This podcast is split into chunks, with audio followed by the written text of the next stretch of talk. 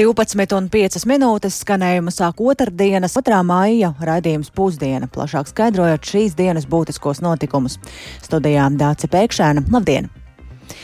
Kas būtu jādara, lai publisko iepirkumu sistēmā mazinātu korupcijas risku? To šodien vērtēja Saimas valsts pārvaldes un pašvaldības komisijas deputāti un dažādu institūciju darbinieki. To, ka problēmas ir, atcerēsimies īpaši izgaismoja 220 miljonu eiro bruņoto spēku ēdināšanas iepirkuma nākšana atklātībā. Un tas, ko varētu darīt, ir centralizēt iepirkuma procesu, ieviest lielāku atklātību par iepirkuma komisiju locekļiem un atklātību par nolikumu izstrādi. Iepirkuma sistēmu pārauga Finanšu ministrija, kurai tad arī būs jāpārvērtē šī sistēma, un šādu uzdevumu tai ir devusi Saimas komisija. Vairāk ir gatavs stāstīt kolēģis Jānis Kīncis, kurš šobrīd pievienojas studijā un ir sekojis līdzi apspriedēm komisijas sēdē. Sveiks, Jāni! Sveiki, Dārts! Sveicināti klausītāji! Gan korupcijas novēršanas un apkarošanas birojas, gan uzņēmēji daudzkārt ir norādījuši, ka iepirkuma procedūra tradicionāli ir saistīta ar iespējamiem augstiem korupcijas riskiem. Un knapi izstrādātajā kārtējā korupcijas novēršanas plānā līdz 2025. gadam ir ietverta ietverti 49 dažādi pasākumi, arī dzen, iepirkuma jomai, tie ietver, ietver dažādas vadlīnijas, skaidrojumus un arī apmācības iepirkuma organizēšanā strādājošajiem. Atbildot uz deputātu jautājumu, vai minētais skandāls par 220 miljonu eiro iepirkumu bruņoto spēku un zemesargu ēdināšanai par ko arī turpinās izmeklēšana, neliek papildināt šo pretkorupcijas pasākumu plānu. Knaba politikas plānošanas nodaļas vadītāja Inese Zelča atbildēja, ka papildu pasākumi nebūtu šobrīd nepieciešami. Paklausīsimies viņas teiktajā. Mūsu ieskatā būtu jāstiprina institūcijām tā iekšējā kontrolas sistēma, un tad arī tiktu novērsti tie riski, kas tostarp šobrīd aktualizējās tajās iepirkumos.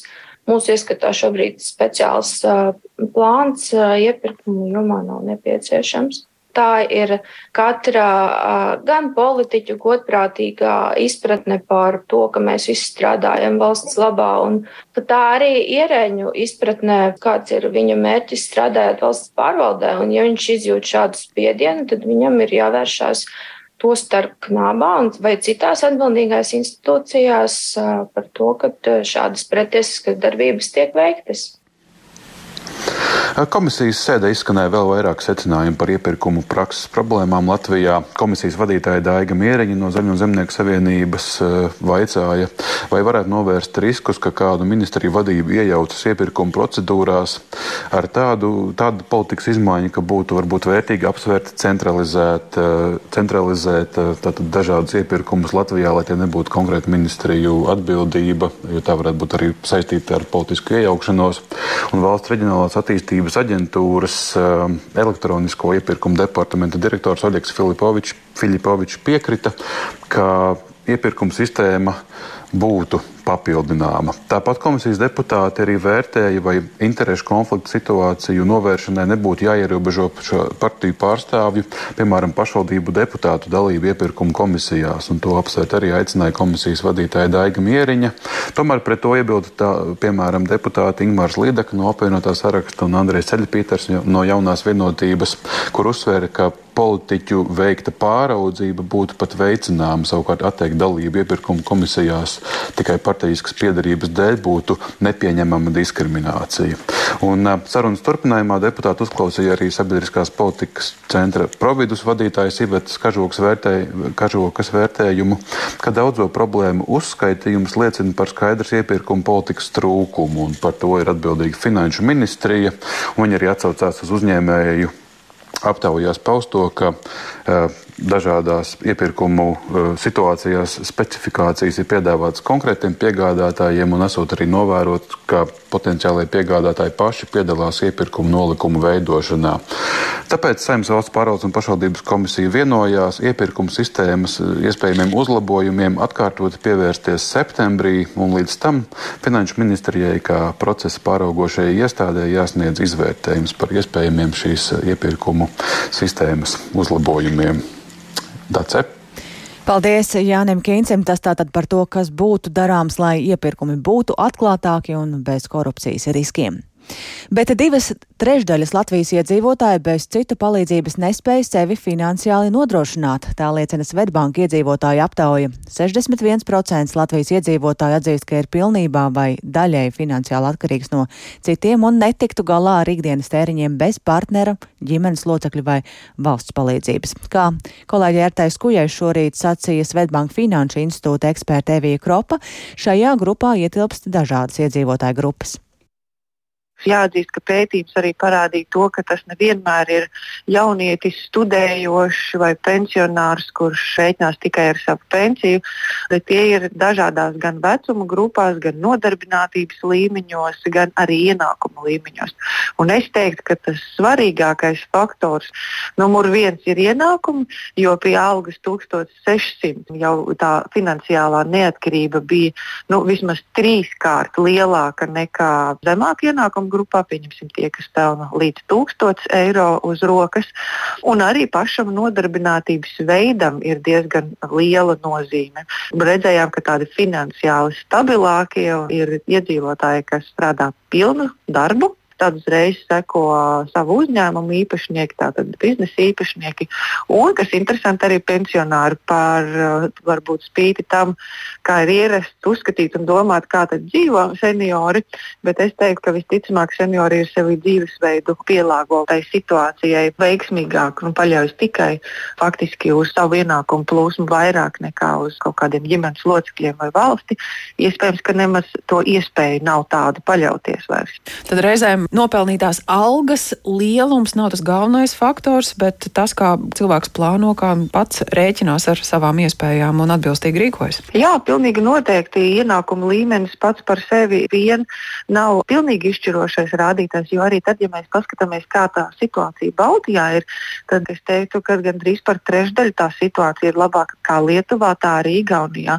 Un, ja gribas varbūt arī teikt, kāpēc tas tā ir, nu, tad mēs redzam, ka mūsu kaimiņu valsts iedzīvotāji, pieņemsim tādu drošības pilvenu, savus uzkrājumus, rezerves finanšu, ir spējuši izveidot daudz sekmīgāk nekā Latvijā dzīvojošie iedzīvotāji. Nu, tāpēc es arī teiktu pilnīgi noteikti, ka arī rīcība, uzvedība, attieksme pret savām naudas lietām ir arī ārkārtīgi svarīga. Bet tas, ko man arī gribējās uzsvērt, ka tā finansiālā neatkarība vai atkarība, nu, tā arī ir tāda nosacīta lieta, jo, pieņemsim, ja es dzīvoju pārī ar savu dzīves biedru un arī dzīves biedrs pelna naudu, ja, tad tā ir tāda veselīga rēķināšanās un atkarība vienam no otra finansēm. Mēs vienkārši rēķinamies ar šo ienākumu plūsmu. Un, ja tā zustu, tad kaut kādā brīdī man nāktos drusciņi adaptēt savu dzīvesveidu. Tā Svetbanka Finanšu institūta eksperta Evija Kropa, un par finansēm arī mūsu nākamais stāsts, bet tādā globālākā mērogā satricinājumi Amerikas Savienoto Valstu finanšu sektorā turpinās. Šonadēļ finanšu regulatori ir pārņēmuši Kalifornijas grūtībās nonākušo banku First Republic Bank. Pēc šī lēmuma ASV biežas jau kritušās, um, biežās ir kritušās akciju cenas un uh, plašāk par notikumiem otrpus okeānam stāsta Rihards Plūme. 1985. gadā dibinātās First Republic Bank galvenais birojs atrodas San Francisco, bet tā ir pārstāvēta arī ASV austrumkrastā, tostarp Ņujorkā un Floridā. Pagājušā mēneša sākumā bankas vērtība bija vairāk nekā 20 miljārdi dolāru, un tā bija pazīstama ar savu lielo mājokļu kredītu biznesu un stabilo turīgo klientu skaitu. Pagājušā gada beigās tas bija 14. lielākais aizdevējs ASV. Tomēr pēc tam, kad marta sākumā sabruka divas citas ASV bankas, Silicon Valley Bank un Signature Bank, First Republic Bank nonāca grūtībās. Jau tad pastāvēja bažas, ka šī reģionālo banku līdere varētu būt nākamā, kas piedzīvotu krahu.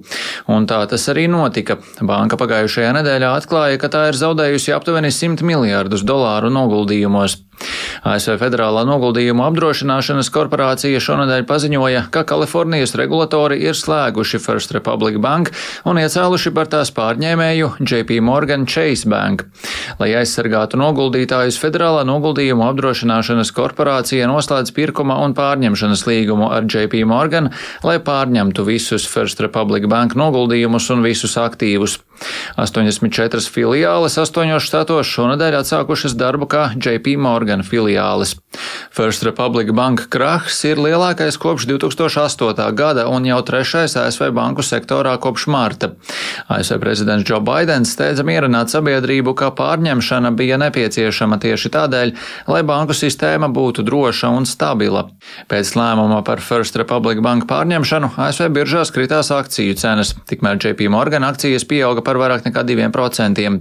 Kā norādījis investīciju speciālists Džeks Ablins, vēl paiesilgs laiks līdz tiks mazinātas investoru bažas par problēmām banku sektorā. Analītiķi gan joprojām mierina, ka situācija nav līdzīga 2008. gadā piedzīvotajai finanšu krīzei, tomēr tā ir problemātiska. To norāda arī analītiķis Xaviers Deivids. Feeling is that it's Sajūta ir tāda, ka tas vēl nav sistēmiski, bet ļoti problemātiski. Un es domāju, ka tiek mēģināts pasargāt banku sistēmu no visām šīm ķibelēm un novērst sistēmiskumu veidošanos. Bet tāpat kā katrā no šāda veida gadījumiem, mēs atklājam visas šīs neizdarības. Mēs atklājam kļūmes un regulējuma nepilnības. Piemēram, ziņojums par Silicon Valley Bank uzsvēra, ka federālie regulātori aizmiga pie slēdža. Viņiem vajadzēja kaut ko darīt. Tāpat kā šeit, mēs esam nonākuši pie tā ar citu banku, un ir vairāk nekā iespējams, ka būs virkne jaunu atklājumu par First Republic Bank. No. Tiek norādīts, ka First Republic Bank gadījumā bankai nesot bijušas sistēmiskas problēmas, taču tās klienti krituši panikā, kā rezultātā banka cietusi. Bankas cieš arī no procentu likmju kāpuma, skaidro eksperti, norādot, ka tās arī turpinās ciest, jo likmes tiks celtas arī turpmāk, tostarp šonadēļ. Rihards Plome, Latvijas radio.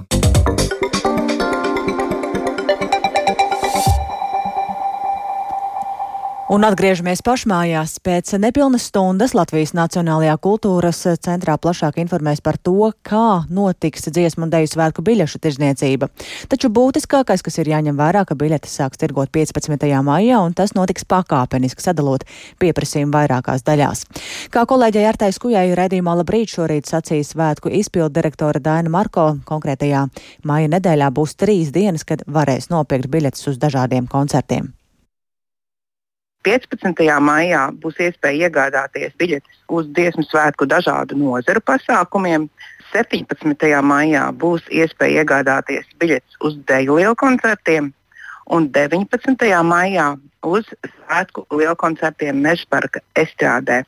Tātad trīs datumi. Un jāsaka, ka šajā pirmajā nedēļā biļešu iegāde būs internetā. Bet ko saka tirgotāji? Vai pietiks ar to, ka katra diena būs kādam noteiktam lielam koncertam piešķirta, vai tomēr viņi ir domājuši arī par papildu interneta resursiem, lai nebūtu tā kā pagājušo reizi, ka gandrīz vai pusstundu jāgaida, lai saprastu vispār ir vai nav izdevies tikt pie biļetes?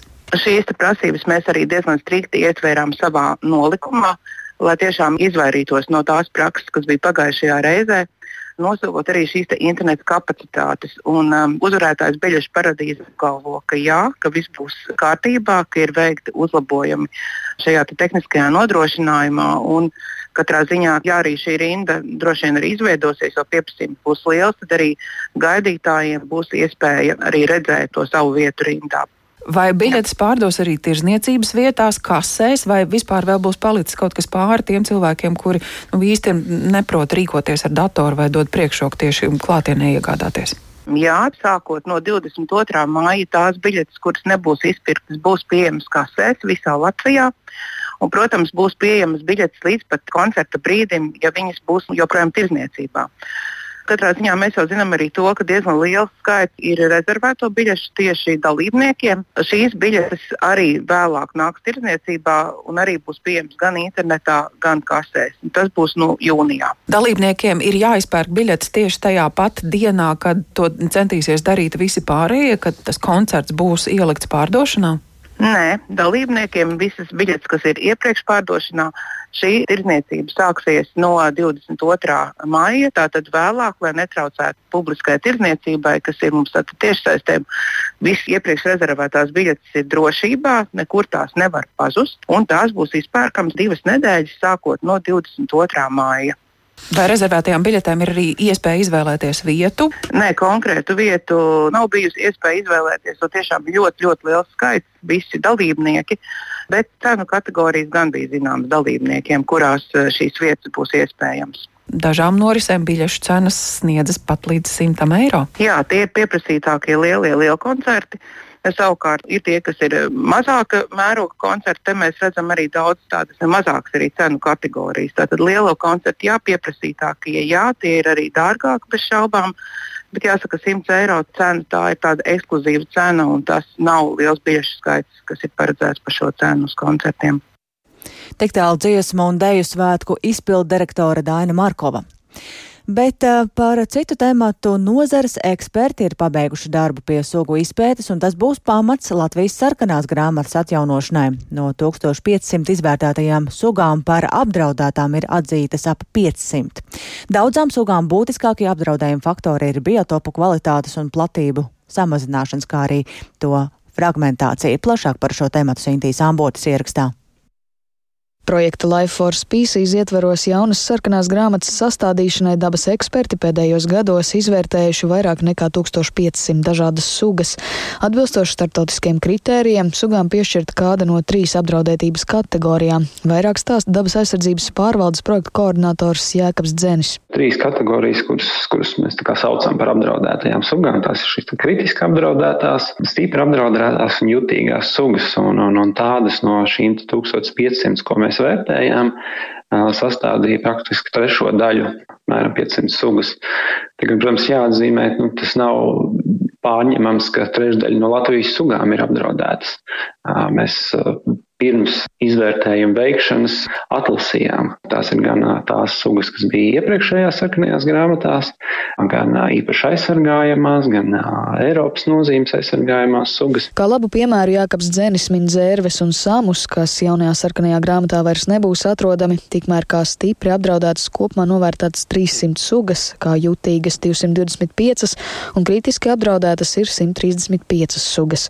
Savukārt, kā reģionāli izmirušas novērtētas novērtētas 60 sugas, kuras iepriekš Latvijā ir fiksētas, bet tam vairs nav drošu pierādījumu pēdējās desmitgadēs. Litvāvera, Eiropas ūdele, tās no dzīvniekiem ir tās zināmākās. Jā, no sūnām savukārt tāda artikas samtīte ir suga, ko mēs šobrīd vērtējam kā reģionāli izmirušu. No putniem melna kakla gārgala ar purviem saistīta suga, un arī, ko mēs redzam, ka īpaši putnu purvu sugām, ka, ka viņas šajā vidē dzīvojot, tomēr pieradušas pie tā, ka tās ir cilvēkam maz traucēta vide. Nu, šodien mēs redzam, ka arī gan turisma piedāvājumi palielinās šeit teritorijās, gan, gan, protams, kāda ir bijusi šī iepriekšējā purvu izstrāde, gan reāli kūdras ieguva, gan arī meliorācijas sistēmas, kas izveidotas purvos, tātad mazina šo purvu kvalitāti, un tas daudzām sugām ir, ir viens no tiem apdraudošajiem faktoriem. Mikoloģīnita Daniela pēc sarkanās grāmatas sugu izvērtēšanas secina, ka sēņu kategorijā saraksts būs garāks, bet ir arī atsevišķas sugas, kā pārslēnā beka vai rumpuču skrimslene, kuras vairs netiek uzskatīts par apdraudētām, jo salīdzinot ar laiku pirms 20 gadiem, pat labam Latvijā ir vairāk sēņu pazinēju un arī datu par to atradnēm. Savukārt apdraudēto sarakstā nonākušas daudzas jaunatklātās sugas Latvijas teritorijā un viņām ir maz atradņu. Ir specifiski biotopi, tie biotopi ir apdraudēti, tie var būt gan platlapju mēži, gan, piemēram, dabiskās nemēslotās pļavas, nu, stiklenēm, jā, nu, nu, dažādi iemesli, jā, un nu, vienkārši tagad pārskatot visu to sugu sarakstu, mēs vienkārši, nu, konstatējām, ā, šī suga ir reta, ne, mēs viņu izvērtējām, um, konstatējām, ka pēc tiem kritērijiem, nu, viņi atbilst. Zīdītāju kategorijā no izvērtētajām 39 sugām izmiršanas risks Latvijas sarkanajā grāmatā būs attiecināts uz piecām sugām, to vidū cūkdelfīns, pogainais ronis, platausainais sikspārnis, kā arī lielais susuris un meža susuris. Dabas aizsardzības pārvaldes zīdītāja eksperts Valdis Pilāts iezīmē vienu no piemēriem, kas raksturo sugas apdraudētību. Pa meža susuri, ja, viņš ir sastopams tikai vienā un pavisam, pavisam nelielā teritorijā pie pašas Baltkrievijas robežas. Tas ir uz uh, dienvidiem, dienvidu austrumiem no Daugavpils, kur tas ir burtiski daži kvadrātkilometri liela tā teritorija. Ja? Un, kā teikt, nedod dies, ja šādā teritorijā izceļās liels uh, meža ugunsgrēks, nu, pastāv risks, ka suga šādā te katastrofā aizies bojā. Tātad, ja lielās profesoru gadījumā ir trīs vietas, jā, nu tas izmiršanas risks ir nedaudz mazāk. Sarkanā grāmata ir populārs zinātnisks materiāls, kas top uz zinātniskas izpētes pamata par to, kāds ir sugu stāvoklis valstī. Iepriekš Latvijā tā tapusi pirms vairāk nekā 20 gadiem. Šobrīd nozars eksperti pabeiguši darbu pie sugu izpētes un apspriež iegūtos rezultātus, bet atjaunotais sarkanās grāmatas izdevums nāks klajā nākošā gada nogalē gan grāmatas sējumu, gan digitālā formātā. Sinti Ambota, Latvijas radio. Un vēl ģimenes māja pīlādzis ir bijusi kļūda. Pie šāda rūkta secinājuma ir nonākusi Daugopils dome. Ģimenes māju krīzē nonākušajiem bērniem tā izveidoja pirms pusotra gada, lai radītu bērniem maksimāli ģimeniskai videi pietuvinātu dzīves vietu. Taču tagad viss ir beidzies ar to, ka valsts bērnu tiesība aizsardzības inspekcija ir konstatējusi bērnu tiesību pārkāpumus, bet valsts policija sākusi kriminālu procesu. Plašāk par šo situāciju ir interesēsies mūsu Latgales studijas žurnāliste Silvija Smagare, ar kuru šajā brīdī esam sazinājušies. Sveika, Silvija, un kas īsti ir noticis šajā ģimenes mājā un kas tagad tālāk notiks ar bērniem? Sveiki, Dārts, sveicināti radio klausītāji. Jā, tā bija, ka pirms pusotra nepilna gada mm, Dāngāpilī atvērās šī ģimenes māja pielādes. Tas bija janvāris, arī toreiz man bija iespēja apmeklēt šo iestādi. Tad nu, nekas neliecināja par to, ka varētu būt problēmas, jo tas bija savā ziņā jauns dzīves sākums bērniem, kas ir palikuši bez vecāku gādības. Mm, centrs bija paredzēts 20 bērniem, toreiz to bija 18. Nu, viņam bija iespējas tur dzīvot pastāvīgi, pašiem gatavot ēdienu, pašiem uzkopt savas istabas, mazgāt ceļu, nu, kā tas notiktu normālā ģimenē. Taču šī satavināšanās ar darbiniekiem neizveidojās, un drīzāk pretēji viss notika. Uh, šajā iestādē sākās kadru rotācija pusotra gada laikā nomainījās četri vadītāji. Uh, jau septembrī, būtiski pēc nu, pusgada um, pāršāca publisko telpu ziņa, ka šajā mājā ir notikusi vārdarbība pret bērniem. Pēc bērnu tiesas un valsts bērnu tiesību aizsardzības inspekcijas uh, konstatētiem pārkāpumiem valsts policija, kā jūs minējāt, uzsāka kriminālu procesu par cietsirdīgu vai vārdarbīgu apiešanos ar mazgadīgo. Uh, tad divas šīs iestādes darbinieki tika, divi, tika atstādināti no amata un aizklātā domas sēdē deputāti pieņēma lēmumu arī par sociālā dienas vadītāju vadītājas atbrīvošanu no amata. Problēmas bija nopietnas, un varbūt varam paklausīties, ko saka esošā Dāngāpils sociālā dienas vadītāja Marina Grasmava. Jā, tas sakas vispagājušā gada uh, jūlija beigas. Toreiz tāda nomainījās uh, vadītāja, un no tā laika Tur sākās pārbaudēm, bija iesaistīti dažādas institūcijas, VBTI, Bāriņtiesa, Labklājības ministrē. Viņi brauca ar visādiem tiem pārbaudiem. Bija konstatēts nepilnības, trūkumi. Sapratām, ka vislielākā kļūda bija tas, ka visus tos bērnus pārcēla uz citu iestādi bez tiem iepriekšējiem darbiniekiem. Jo tiem darbiniekiem bija liela pieredze ar viņu. Viņa bija kā mammas, viņa audzināja tos bērnus, mācīja, atbalstīja kad pārveda bērnus uz citu iestādi ar jauniem darbiniekiem, tas bija ļoti grūti pieņemamiem bērniem. Līdz ar to bērniem ļoti pasliktinājās tā attieksme, tā uzvedība, tā agresija. Un, bērni visdrīzāk paliks tajā pašā ēkā. Viss paliks kā ir, vienkārši piesaistīsim tos darbiniekus, pieredzējušus darbiniekus, lai uzlabotu to visu situāciju, kas izveidojas kļūdas dēļ. Jā, Pīlādis bija kļūda, to atzina arī Dāngāpils domas deputāti.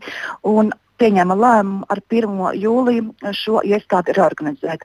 Tātad būtībā liels izmaiņas nenotiks. Bērni paliks tā pašā iestādē, kur viņi šobrīd mīt. Eh, tas nozīmē to, ka ģimenes mājas tiesības, saistības un funkcijas pārņems eh, šīs eh, pakalpojumu centra spriedīte. Tā ir tā iestāde būtībā, kurā tie bērni arī sākotnēji uzturējās pirms pusotra gada.